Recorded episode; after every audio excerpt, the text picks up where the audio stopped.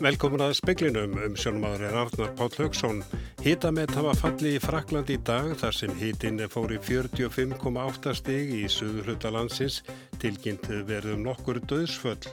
Lauruglan á höfuborgarsvæðinu segist harma töf á rannsókn á læknamistökum í fæðingu sem eru til þess að hjón mistu barn. Málinu var vísa til ríkislögmanns og lauruglu árið 2016. Hliðverðu gert á kjaraviðraðum í júli og fram með Vestlunumannahelgi. Ríki hefur samið við BSRB og fleiri félög um fríðarskildu fram til 15. september. Formaður samningarnefnda ríkisins segist bjassið ná að samningar takist fyrir þann tíma. G20 ríkin hafa meir en tvöfaldað fjárframlög sín til kólaeinarins á þremur árum þrátt fyrir lofurðum að draga á losun gróðrúsaloftegundan. Þetta kemur fram í nýri skýslu sem að byrt fyrir fundi ríkjana sem hóst í dag. 50 árur í dag liðin frá Stonewall mótmælanum í New York sem talin eru marka upp af réttindabaróttu hinsegins fólks. Alvarlegt umferðarslýs varð á Suðurlandsvegi rétt austan við Eistri Rángá síðdeis. Áallega er að Suðurlandsvegur verði lokaður í um tvær klukkustundir vegna slýsins. Þetta kemur fram í tilkynningu frá laurugluna á Suðurlandi. Þyrla landhelgiskeslunar var kölluð út og er nú á leið á slýstað. Laurugla veitir ekki frekara upplýsingar um máliða svo stöttum. Mikil hitabilgja gengur nú yfir stóran hluta Evrópu, hitamet fjall í Fraklandi fyrir í dag þegar hitti fór í 45,8 stig og tilkynntu verðum nokkur döðsföll. Heilbriðis er á þeirra landsins segir að allir séu hættu vegna gríðalegs hita. Forsætisráð þeirra Fraklands, Eduard Philippe, segir fólk drukna á hverjum degi sem hitabilgan geysar þar sem það taki áhættu vegna hitans. Rauð viðvörun var gefin út í dag á fjórum svæðum í landinu en það er í fyrsta skipti sem það er gert. Franska veðurstofan segir að hitabilgjan færi sig til norðurs á morgun með hækkandi hitastígi. Gert er ráð fyrir alltaf 40 steg að hita um miðbygg landsins og 39 steg að hita í höfuborginni París. Heitt loft berst yfir Evrópu frá Norður Afriku sem fer yfir norður og vestur hluta Fraklands á morgun. Sérfræðingar segja nokkrar ástæður fyrir krafti hitabilgjunar nú Til að mynda hár loftristingur sem veldur því að heitt loft frá Sahara-eðumörkinni berst til norðurs sem hækkar lofthitta og eigur raka. Lítil skíahula gerir það verkum að ekkert hindrar sólargesla sem enn eigur á hitan og jarðvegur er afar þurrvíða í álfunni vegna þurkatíðar undanfarið en uppgufun vats dregur úr hita jarðvegs. Nokkrir hafa látist vegna hitabilgunar þar á tveir á spáni en í norðausturluta landsins geisa miklu skóareldar. Skyndiflóð hafa orðið í nokkrum Evrópulöndum, flugi verið frestað sem og lestarferðum. Sumstaðar hefur skólum verið lokað og loftmengun aukist. Franska veðurstofan gerir ráð fyrir að hitin fari lækandi í norðvesturluta landsins frá sunnudegi. Það gerist eins vegar ekki í öllu landinu fyrir en á þriðudag en hitastig verði áframhátt í söðuluta þess í næstu viku. Þorvarður Pálsson saði frá. Lauruglan á höfuborgarsvæðinu harmar tvöf á rannsókn á læknamistökum í fæðingu sem eru til þess að hjón mistu barn. Málinu var vísa til ríkislögmanns og lauruglu árið 2016. Laurugla segir að rannsóknin hafi dreyjist vegna þess að mjög erfitt hafi verið að fá hlutlösa fageðalega málinu. Leita hafi þurft út fyrir landsteinana eftir sérþekkingu.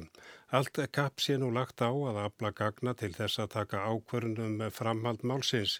Fimm stafsmenn eru með stöðu sagbortnings og er fólkið allt enn við störf á landsbítalánum.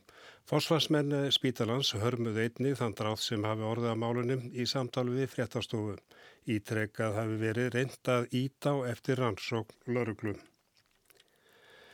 Útlenskur faðir sem var dæmdur í 16 ára fangilsi fyrir manndráp í hæstarétti hefur höfða mál gegn ríkinu til að koma í veg fyrir hann verði sendur úr landi eftir afplánun.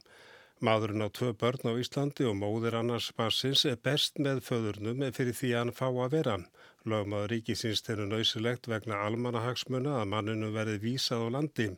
Rétta var í málunni í hérastómi Reykjavíkur í dag eftir að maðurinn var dæmdur í fangelsi ákvað útlendingarstofnuna hann hefði sendur úr landi þegar hann hafði tekið út dóminn. Hann kærði það ákvörðum til kærunemdar útlendingamála sem staðfesti brottvísuna. Maðurinn hefur tekið út helmingin af 16 ára fangilsistónum og hafði fengið reynslulöst á þeim fórsundum að, að senda eitti hann úr landi strax að aðplánun lokinni. Það átt að gerast annan júni en í staðin var hann bóður aftur í fangilsi á meðan mál hans yrði útkljáð fyrir domstólum.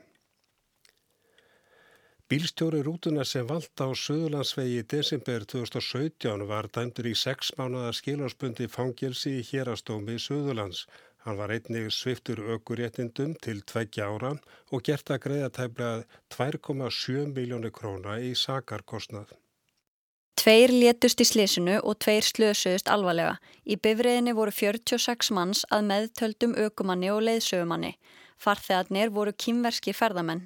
Slisi varð á Suðurlandsvegi skamt vestan við Hungubakka í Skaftárreppi. Að sögn vittnis var viðhald bifriðarinnar vannrægt og hefði hún ekki átt að vera í umferð. Rútan var á 100 til 120 km hraða síðustu mínúturnar fyrir slisið samkvæmt upplýsingum úr augurita. Í niðurstöðum bíltæknir ansóknar kemur meðal annars fram að nöglum í dekkjum hafi verið verulega ábútafant. Eftirlit og reglulegt viðhald í hjólbörðum hafi ekki verið viðunandi og hemla geta í vinstra framhjóli engin. Í domnum segir að þegar ástandrútunar er skoðað sem og hraði hennar rétt fyrir slís og ástand vegarins verði að telja nægilega sannað að ákæriði hafi með hátt sem er sinni orði valdra dauða tvekja farþega og alvarlegum meðslum tvekja annara. Helena Rós Sturldudóttir saði frá. 50 árið í dag liðin frá Stonewall mótmárunum svo göllu í New York sem talin eru marka upp af réttindabaratu hinsegins fólks. Samtækin 78 haldi upp á þessi tímamót með ýmsum hætti í dag. Stonewall mótmælin eru kent við samnefndan skemmtistað í Greenwich Village hverfinu í New York, einn af fáum stöðum í borginni, þar sem hins eginn fólk hatt komið saman á sjöunda áratöku síðustu aldar, skemmt sér og fengið að vera það sjálft í friði. Staðunni var í eigu mafíunar, það var þess vegna ekkit óalgengt að lögregla riðist þar inn. Og það gerðist líka aðferðan á 28. júni 1969 en í það skiptið höfðu gestirnir fengið nóg. Hópur fólks safnaðist saman fyrir utanstaðin þegar lauruglumenn letu gestina út og það leiði ekki á löngu þar til slagsmál brutust út við Stonewall og næstu daga voru fjölmennar samkomur í New York þar sem framferði lauruglu var harlega gaggrínt og sjónum beintað réttindamálum hinsegin fólks. Atbyrjunni við Stonewall í New York urði í framhaldinu til þess að fjölmörg samtök spruttu upp sem einbettu sér að málefnum hinsegin fólks. Árið eftir voru síðan fyrstu gleðugöngurnar skipulaðar á svipum tíma og mótmælinn átt sér staði við Stonewall. Samtökin 78 hér á landi minnast þessara tímamóta í dag með fjölbreytti dagskrá sem hefst með leiðsögnum listasýninguna út fyrir Svega á Reykjavíkutorki í Gróvarhúsinu og það verður haldið sérstaklega upp á 50 ára Amali Stonewall á hinsegindögum sem hefjast 8. ágúst og standa í tíu daga. Þess má geta að lauruglustjórun í New York kom nýri að fram ofinbellega og baðst afsökunar á framferði lauruglu við Stonewall barinn fyrir 50 árum. Björn Malmqvist saði frá. Hér verður gert á kjaraviðraðum í júli og framöðu Vestlumarahelgi um 200 kjara samningar við ofinbæra starfsmenn eru lausir. Þráðurum verður tekin upp að nýju í ágúst. Ríki og Reykjavíkuborg hafa þegar samiði sína viðsjömendur og fleiri félögum að frið, um fríðaskild, að fríðaskilda ríki fram til 15. september. BAM hefur ekki gerð samkómula við ríkið. Sverrir Jónsson, formadur samningarnemnda ríkisins, segir að tilbúðum frá að framlengja viðraðáallun fram í september standi öllum tilbúða. Við sem komum að þessum samningum erum búin að hittast mjög reglulega síðan um, á vorjapdægri. Ég held við höfum öll gott að því að fara aðeins og, og hlaða batterín. Júli er ódrjúur í svona samtali og við hefum gott að því öll að fara í frí og verja tíma í, við eitthvað annað hvort að BHM eða aðrir vilji skrifa undir formlegan gjörning þess efnis er þeirra val. E, þetta stendur öllum viðsemdum okkar til bóða að framlengja viðráðallin fram í september og móti kemur inn á borgun. Við teljum þetta skinn sem að leið og flestir eru á þeirri línu. Það kemur svo í ljós hvað hver og einn velur og metur hagstætt fyrir sig. Þetta var Sverri Jónsson, nánar er talað við hann síðar í speklinum. G20-ríkin meira en tvöföldu fjárframlög sín til kóla orkuvera á þremur árum þrátt fyrir að hafa lofað fyrir áratug að dragur vinslu jarð efna elsneitis til að reyna að komi veg fyrir lofslagshamfarir. Þetta eru niðurstöðu nýra skýslu sem kom út í lok júni, rétt áðurinn að fundur G20 ríkjana hófst. Tveikjadaga leiðtóafundur G20 ríkjana, 19 stæstu innríkja heims og Evrópusambansins hófst í Osaka í Japan í dag. Aðildaríkin eru Bandaríkin, Kanada, Brasilia, Argentina, Bredland, Frakland, Ítalja, Þískaland, Indonesia, Japan, Kína, Tyrkland, Ástralja, Indland, Mexiko, Rústland, Sátiarabia, Suður Afrika og Suður Kórea auk Evrópusambansins. Skýrslan heitir G20 Coal Subsidies Tracking Government Support to a Fading Industry eða styrkir G20 ríkjana til kólaframlegslu farið í saumana á stöðningi stjórnvalda við hverfandi yðnað. OTE, Overseas Development Institute og fleiri samtök stóðu fyrir rannsókninni og má finna upplýsingar um hana og skýrsluna á vefðeira ote.org. Einnig hefur verið sagt frá henni í breska blaðinu Guardian og víðar.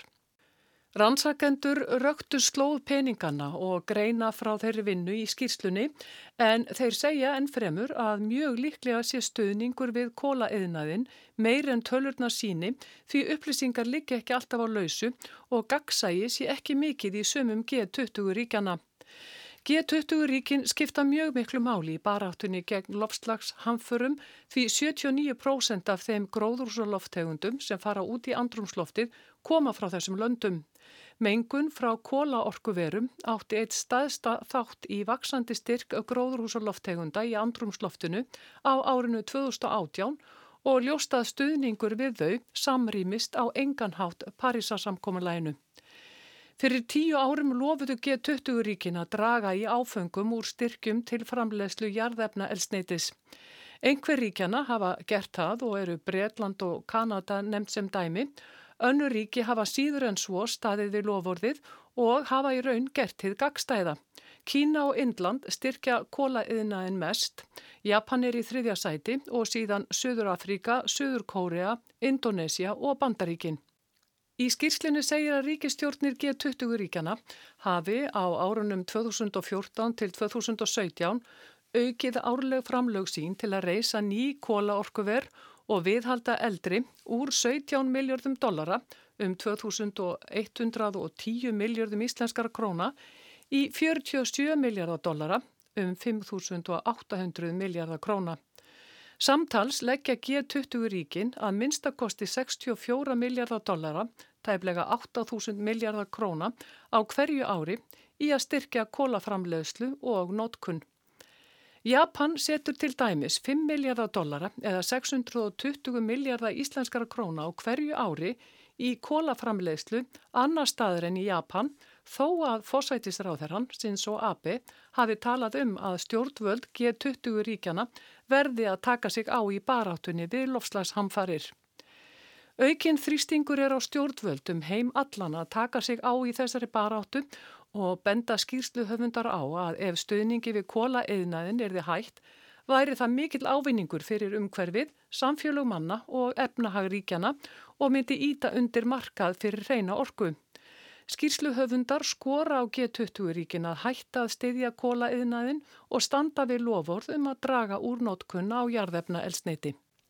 Bergljótt Baldurstóttir saði frá. Hlefur er gert á kjaraveiraðum í júli og frammiður Verslunumannahelgi. Ríkið hefur samið um fríðaskildu fram til 15. september við félaguninnan BSRB, Lækna félag Íslands og Hjókunarfræðinga. Ekki hefur verið samið við BHM félögin. Reykjavíkuborg hefur náð samkómulega við BSRB um samskona samkómulag og viðræður standi yfir við samband íslenskra sveitarfélaga. Samkómulagi félur meðalanlega í sér 105.000 krónar fyrirframgreislu sem greitt verður út 1. ágúst. Sverri Jónsson, formaður samningarnemnda ríkisins, segir spjarsýtna á að samningar takist fyrir 15. september. Það sem við væntingur um að gerist eftir sumafrí er að við komum endur nærð og útkvíld eftir tíma með fjölskyldunum okkar, eh, náum að fara gegnum þau umræðefni sem eru eftir eh, og miða þannig við að við bara greiðum út laun samkvæmt nýjum samningi 1. oktober. Það er margt að gera fram að því, listin er langur, en miða við samtul okkar á undanförnum vikum þá eru við bjart sína á að við náum saman um öll megin atriði samningsins tiltulega greiðilega á svona sex vikum eftir við komum saman eftir sumafrí. Þú talaðum að sé þurfa að gera mikið. Er það fyrst og fremst eh, stýtting eða breyting á vinnutímanum sem að tekur svona langan tíma? Er það erfitt að komast til boss í því máli? E, það er ekki engungu það að komast til boss í málinu og semja um hverju vinnutímin eigi að vera. E, í tilviki ofenberðar þjónustu þá er þetta flókin starfsemi sem er að sinna almenningi allan sólarhingin, allan ásins ring og er að mæta fólki í sinni viðkvæmustu stöðu og það skiptir máli að það sem við semjum um sé vandað og velorgarði gert en ekki síður að innleðingin hefnist vel þegar þar að kemur. Það er ekkert sveigurum fyrir mistök eða seinagang í heilbriðstjónustu eða öryggistjónustu. Þetta skiptir máli. Þetta þurfum við undirbúa mjög vel samlega því að vera ásatt um hvað kerfið þólir í vinnutíma.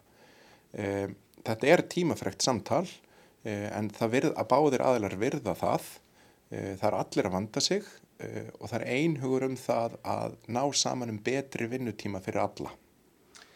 Þið er að semja við ja, 20.000 manns, 60 félug en félug sem er af mismöndi toga, háskólamenn eru með ja, kannski tinduna háar launakröfur Er það vandamála að halvu samleikamda ríkisins að hún er bundin af já, þeim tóni sem var slegin í svo gullum lífskjara samleikum?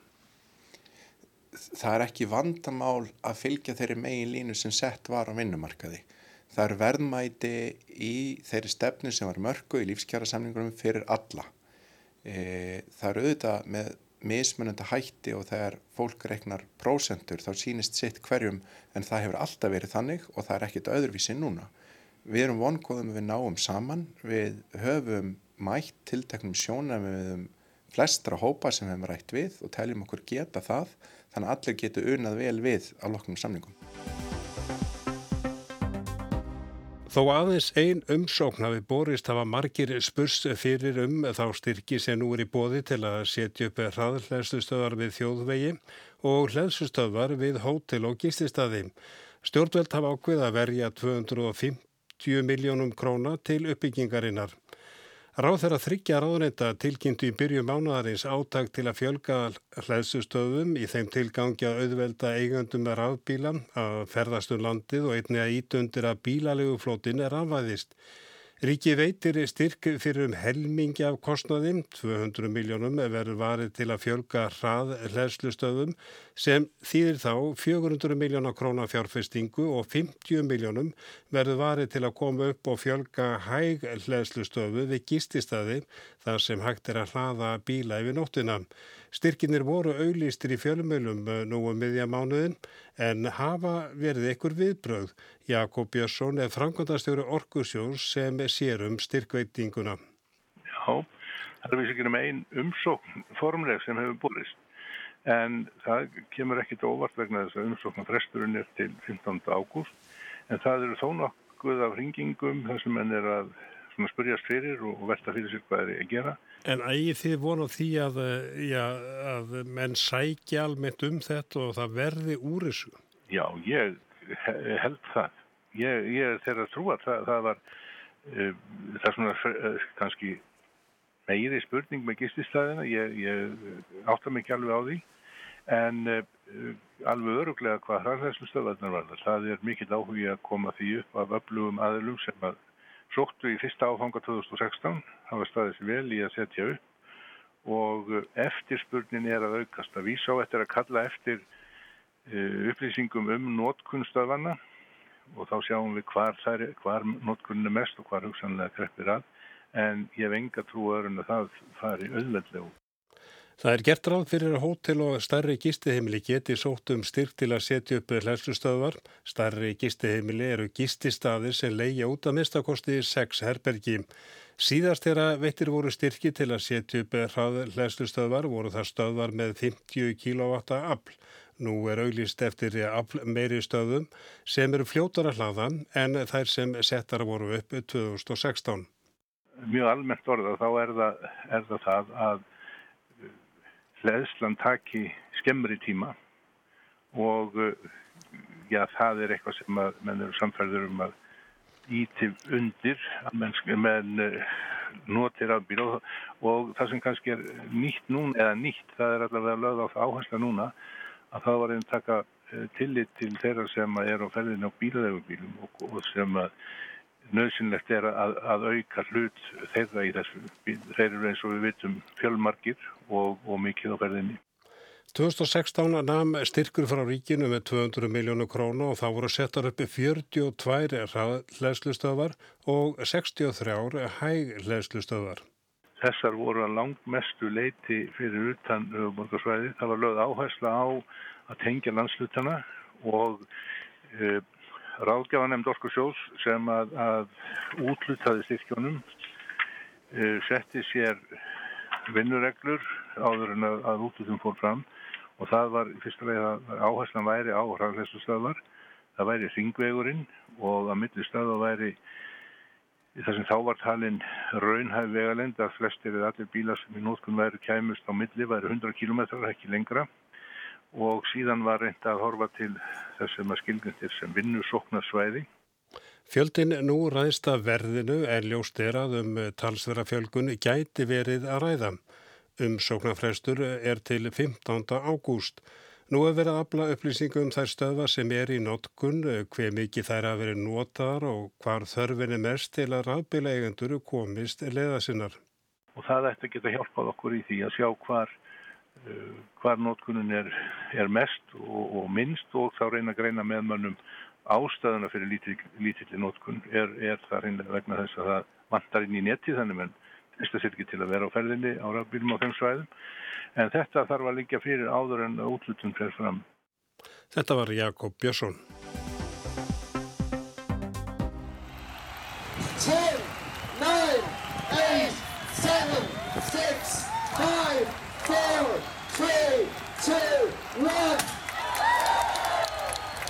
Það er gömul saga og ný í heimi íþrótta að heiðalegt fólk hefur ekki mikið umbyrðalindi kakvart svindli.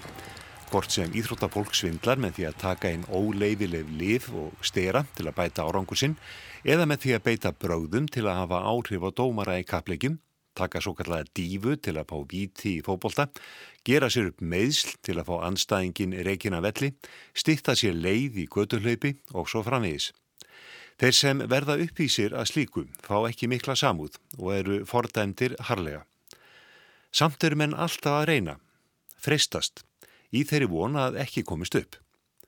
Ástæðunar fyrir þessari hegðun eru margvíslegar og tengjast yfirleitt mannlegum breyskleika, græðki, aðtikli, yfirgengilegum metnaði og kannski spennufík. Sérkennlegt mál skekur nú marathónhlaupsheimin í bandaríkjónum með miklum tilfinningahita og æsingi. Málið snýst ekki um hlaupara í fremstu rauð hjá körlum og konum. Og þó, aðalsöguheitjan eða skurkurinn, eftir því hvernig á það er litið, er einn af hröðustu hlaupurunum í sínum aldurslokki Karlamein. Hann heitir Frank Mesa, læknir frá Los Angeles og hefur undanfarin þrjú til fjögur ár sprett hraðast úr spori í flokki nálagt 70 ára og eldri í nokkrum þekktum borgarmarathónum. En nú eru sterkar grunnsendir um að doktor Mesa hafi haft ramt við, ekki bara einu sinni heldur oftar og komið fyrstur í mark. Eins og langflestir íþróttamenn sem sagaður er um slíkt, neytar Frank Mesa öllum ásökunum og er steinhissa á öllu havarínu. David Wharton, íþróttafréttamaður Los Angeles Times, fjallaði um þetta málnýlega og bendir á að umræður og ásakanir um svindl í marathónhlaupum séu ekki nýjar á nálinni. Þetta á ekki einungi sviðum harðakeppni í marathónhlaupi heldur einni í almenningslaupum þar sem meginmarkmiðið er að vera með og keppnin snýst fyrst og fremst um keppni við sjálfansig. Enguða síður eru svindlarar í slíkum hlaupum litnir hortnöga svo vægt sé til orða tekið. Árangur í almenningslaupum er nefnilega tekinn til greina þegar skráðir í frægustu borgarmarathónhlaupin eins og í Boston og New York. Þar er lámars tíma krafist. Hann er mísjarn eftir kynjum og aldri en sá sem hefur svindlað og komist upp með það útilokar þar með einhvern annan í að taka þátt í frægustu hlaupunum. Frank Mesa er virturlæknir í austurluta Los Angeles. Hann er líka hlaupaþjálfari og hefur þjálfað þúsundir barna í fátakra hverfum borgarinnar. Fyrir það er hann viðkendur sem einn vænsti maður. Hann kemur vel fyrir og virðist vera náungi sem ekki má vamsitt vita. Á miðjum aldri hljópa hann gerðnan í 10 km hlaupum og millivegalendum en eftir 60 byrjaði hann að hlaupa marathónhlaup, rúmlega 42 km. Fyrstu tímar hans voru í kringum þrjá og hálfan tíma sem þykir mjög gott í þessum aldurslokki. En í marathón í Sacramento fyrir fimm árum, þegar hann var 65 ára, hljóp hann skindilega undir þremur tímum á tveimur klukkustundum og 52 mínútum. Það þykir afbraðskóðu tími í öllum aldurslokkum og hlauparar með mikla ástríðu líta margir hverjir á það sem sitt helsta takmark að komast vegalengdina og undir þremur klukkutímum. Þess má geta heimsmitt hjá körlum er tvær klukkustundur og tæpar tvær mínútur en menn sem hlaupa svo hratt koma yfirleitt frá fjallahýriðum Kenia eða Eþjópíu og eru ofur íþróttamenn. Íslandsmiti hjá körlum er tvær klukkustundur og 17 mínútur. Frank Mesa hljóp næstu marathón á svipuðum tíma, rétt undir þremu klukkustundum og í Los Angeles marathónu í mars síðastleinum á 2.53.10. Þá var hann orðin sjötugur og setti þar með óopenbert heimsmet í sínum aldursflokki. Þessi góði árangur mesa undanfærin ár hefur ekki farið fram hjá Derek Murphy sem er sjálfskeipaður Marathon rannsakandi og rekur vefsíðuna Marathon Investigation. Skipuleggjendur hlaupa viður kenna áraðanleika síðunar og hafa leitað í smiðju hans ef grunuleikur á einhverju misjöfnu. Með nýri tækni er hægt að afla allskins upplýsinga um keppendur í marathónhlaupum. Millitími er mældur 6-7 sinnum í hlaupunum og myndbandsupptökur eru til af stórum hluta leðana. Derek Murphy lagðist yfir þessar upplýsingar og er sannferður um að Frank Mesa hafi svindlað. Ekki samt alltaf á sama hátt. Hann er grunar um að hafa stíkt sér leið, fengið far með bíl hluta leðarinnar eða látið aðra hlaupa fyrir sig. Mesa neytar þessu og er með skýringar á taktinum. Hann hafi þurft að pissa, tegja á styrðum útlimum og því dotti út úr mynd. Milli tímar Mesa, sem Murphy hefur ansakað, eru mun betri en hlauparhaði og hlaupastýtla myndbansuptökum gefa til kynna að geti staðist. Í viðtali við Los Angeles Times segist Mesa vera undrandi og sár. Hann vissi ekki sjálfur að hlaupasýður og samfélagsmiðlar loguði í deilum um heilindi hans. Hann var annars vegar útrópaður sem óþokki eða hafinn upp til skíjana sem frábær íþróttamaður og afbrags fyrirmynd fyrir hans kynsluð. Spurningin sem korki íþróttafréttamaður Los Angeles Times nýje marathón rannsakandin Derek Murphy geta svarað er hvers vegna er Frank Mesa að standa í þessu svindli og svínari ef satt er. Af hverju er hann að fórna mannorði sínu sem læknir og góður þegni í sínu samfélagi fyrir betri marathónslaupa tíma? Hann er ekki að keppum neyn stór peningavelun og þessi tími, þó góður sé, færur honum ekki heimsfræð, gull og græna skóa. Það eru fleiri dæmi um svindla af þessum toga og eina skýringin sem Ambi Burford, sem eitt sinn sigraði í Boston Marathonu og styrði síðan tímaritinu Runners World, kemur auðga á, er aðtilsverð. Hún segir að karlar á miðjum aldri og þar yfir og sem nótabenni hafa átt gæfuríkan starfsferil hafi ríkari tilneingu en aðri til þess að svindla í marathónhlaupum. Kanski ekki verri skýring en hver önnur, en eftir vill kemur þið sanna í ljós í máli Frank Mesa í næsta hlaupi. Hann hefur samtikt að fyldarmadur eða héri fylgi honum alla leið og hafi glögt auga með aðtöndum hans. Kristján Sigur Jónsson tók þennan pistil saman og við sögum frá því fréttatímanum að alvarlegt umferðarslis varða á Suðlandsvegi rétt austan við Eistri í Ránga og nú sýttiðis. Suðlandsvegur hefur verið lokar vegna stísins og laurugla vinnu nú að því að útbúa hjáleið en nánar upplýsingar er að finna um þetta slis á vefnum okkar.